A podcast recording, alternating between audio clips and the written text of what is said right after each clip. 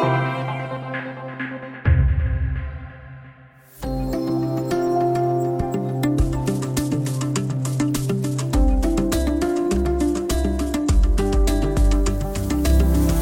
Nästan 90 personer har gripits i samband med stormningen av Kapitolium.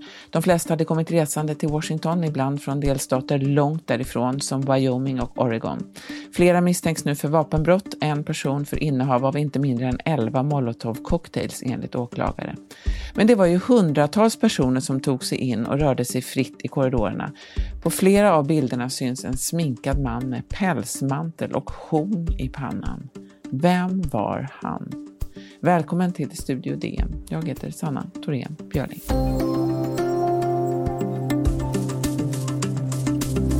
To the citizens of our country, serving as your president has been the honor of my lifetime.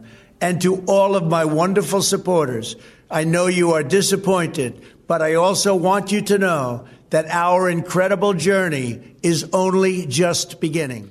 Ja, på torsdagen fördömde president Donald Trump intrånget i kongressbyggnaden. Han har dock hela tiden också samtidigt visat inkräktarna sitt stöd. Idag ska vi prata om en av dem som rumsterade om inne i demokratins hjärta. Och det gör vi med DNs faktaredaktör Hugo Ewald. Välkommen! Tack så mycket. Du, den här personen vi ska prata om idag, kan du beskriva honom? Hur ser han ut? Ja, han har ju väckt väldigt mycket uppmärksamhet på sociala medier. Han har eh, vad ska jag säga, någon slags stor pälsmössa. Han är målad med amerikanska flaggan i ansiktet. Han har två horn så att säga på eh, huvudet. Eh, han har en massa tatueringar. Eh, och han har vad som många har bes beskrivit som någon slags eh, pälsbikini nästan. Eh, och till detta då eh, bruna eh, träningsoverallsbyxor kan man säga. Så han gör ett väldigt stort intryck. Han, eh, vad gör han på de här bilderna? Jag har sett en bild där han står i senaten och låter sig fotograferas av glada Trump-anhängare till exempel i röda kepsar. Ja, han gör ganska många olika saker. Han springer ju runt där precis som de många andra, eh, vad kan jag säga, eh, som dykt upp inne i Kapitolium och tagit sig in där och pratar, skriker. Han har en megafon, men det som, precis som du säger, blivit den mest förmodligen eh, vad kan jag säga, kända bilden därifrån är just när han har tagit sig eh, sin plats i, vad jag tror det är, ja, men då senatens eh, talmansstol och ja, men ja, men helt enkelt står där och skriker ut någonting. Den här mannen han har fått smeknamnet Qanon-shamanen, men eh, han heter Jake Angeli och han är 32 år och kommer från Arizona.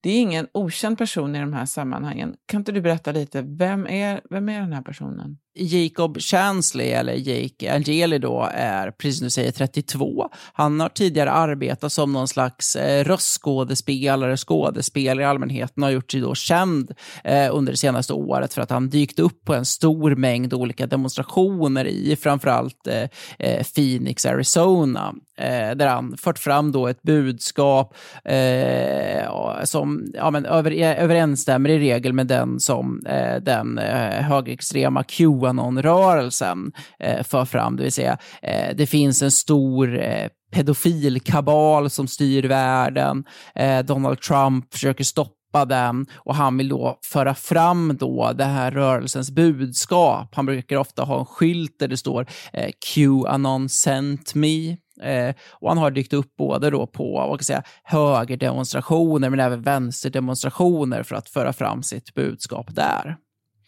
Vi ska återkomma lite till Qanon, de, de här teorierna bakom Qanon, men om vi bara backar lite grann här.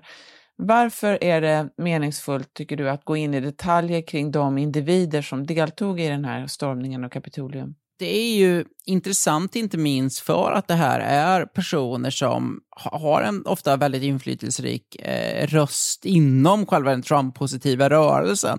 Många brukar skämtsamt på liksom Twitter Twitter och så vidare prata om att det finns liksom ett Trump Cinematic Universe som är som ett eh, parallellt liksom nästan universum med sina egna influerare, med sina egna eh, liksom kändisar eh, som har ofta ett väldigt stort inflytande både på eh, den bredare Trump-positiva rörelsen men också framförallt på presidenten själv genom att Trump eh, ser vad folk skriver på Twitter, Trump eh, ser vad folk säger på Fox News, på eh, andra eh, Trump-positiva tv-kanaler som Newsmax och så vidare. Eh, och de har presidentens öra, många av de här grupperna. Mm. Eh, precis som du säger också, det här att de är lite kända, det kan ju också på ett sätt fungera som motbevis mot de som hävdar att den här stormningen faktiskt utfördes av Trump-anhäng, personer som var förklädda till Trump-anhängare men som i själva verket var radikala vänsterextremister. Eh, vad kan man säga om det där?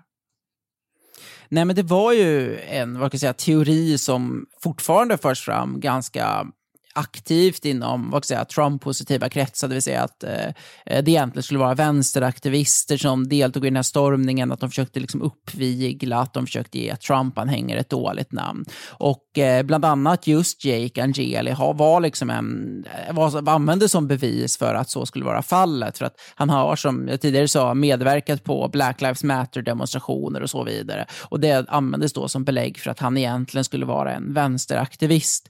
Men det som man då inte förde fram var ju just att han var på de här demonstrationerna för att föra fram ja, men, eh, ett Trump-positivt budskap så att säga och väcka uppmärksamhet.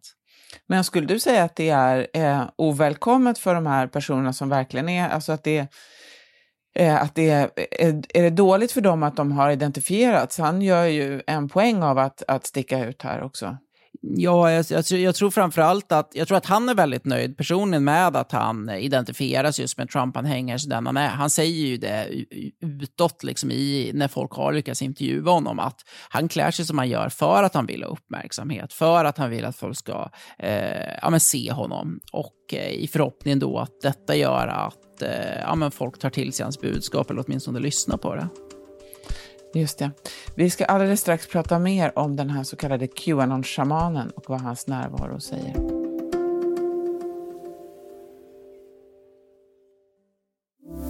Studio DN idag. Vi pratar med DNs Hugo Evald om en av inkräktarna i Kapitolium, en man som kallar sig Qanon-shamanen men som också heter Jake Angeli.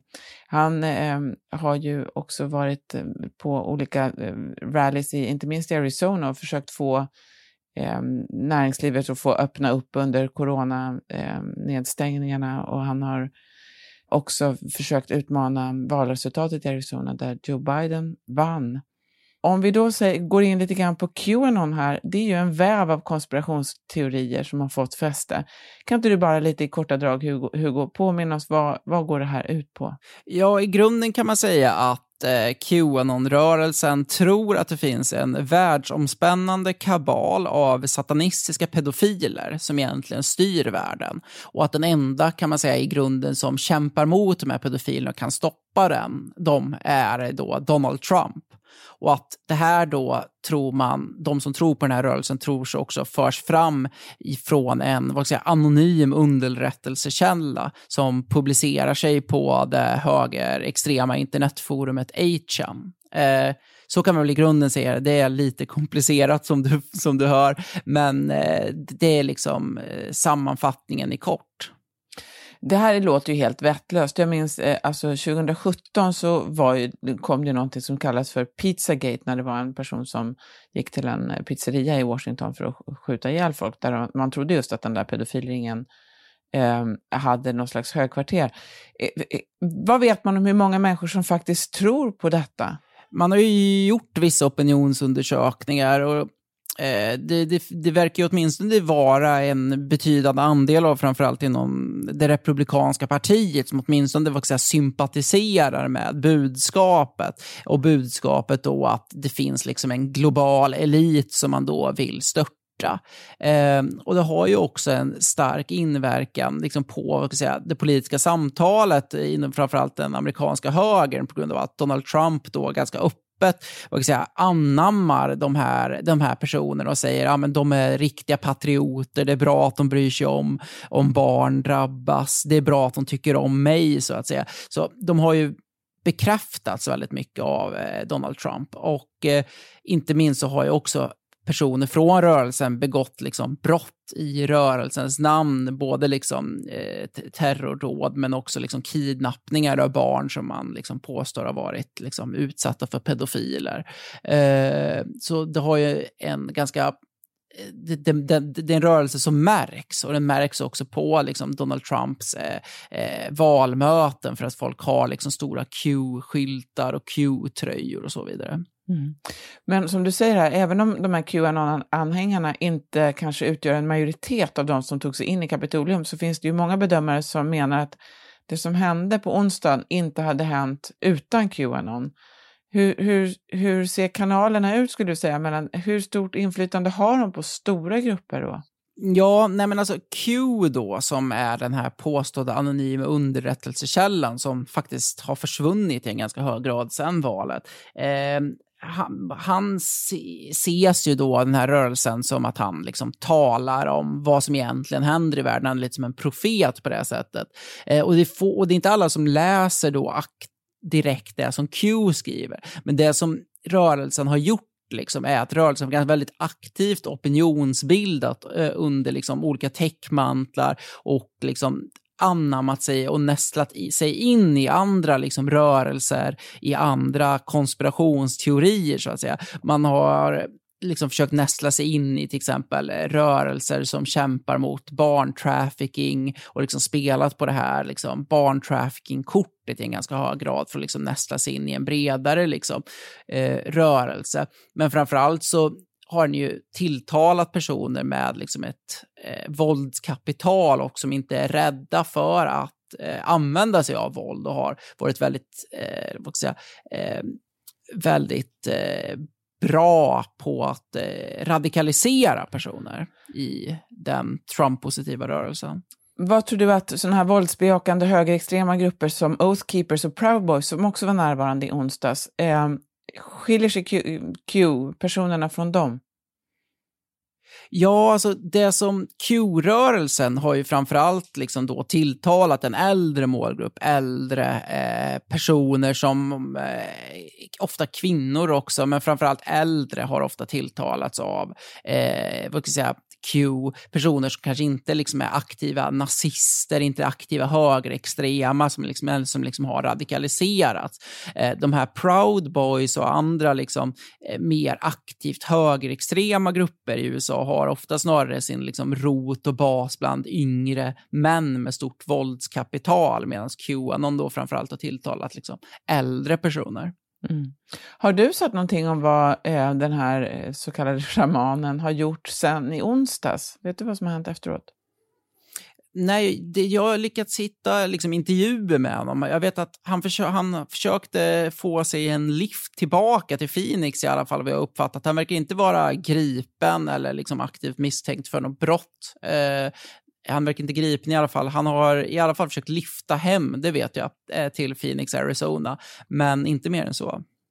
Det är ju eh, inte, som du säger här, du är inne på det också, men det är ju inte en enda person som är ansvarig för det som hände på onsdagen, utan det handlar ju om olika typer av idéer, ofta konspirationsteorier eller de här, också de här uppfattningarna om att valresultatet inte stämmer och så.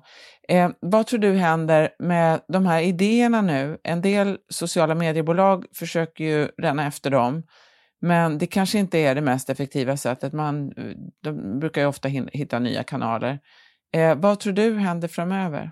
Nej, det är väldigt intressant att, att, se det. Jag försöker liksom aktivt följa hur diskussionerna går på både liksom dedikerade Trump-forum och även liksom, eh, Trump, eh, forum med många Trump-anhängare som 4chan. Eh, och det som de försöker driva på just nu eh, efter att Donald Trump liksom medgett sin valförlust till slut, så att säga, ett par veckor då innan eh, Joe Biden blir president, det är att eh, idéerna kommer ändå leva kvar, är det de i alla fall försöker driva på. Eh, och det blir ju intressant att se hur liksom, beroende av Trump, Trump-rörelsen faktiskt är. Men där rörelsens eh, supportrar försöker föra fram nu i alla fall att de kommer fortsätta som tidigare utan Trump. Mm. Tusen tack Hugo Evald.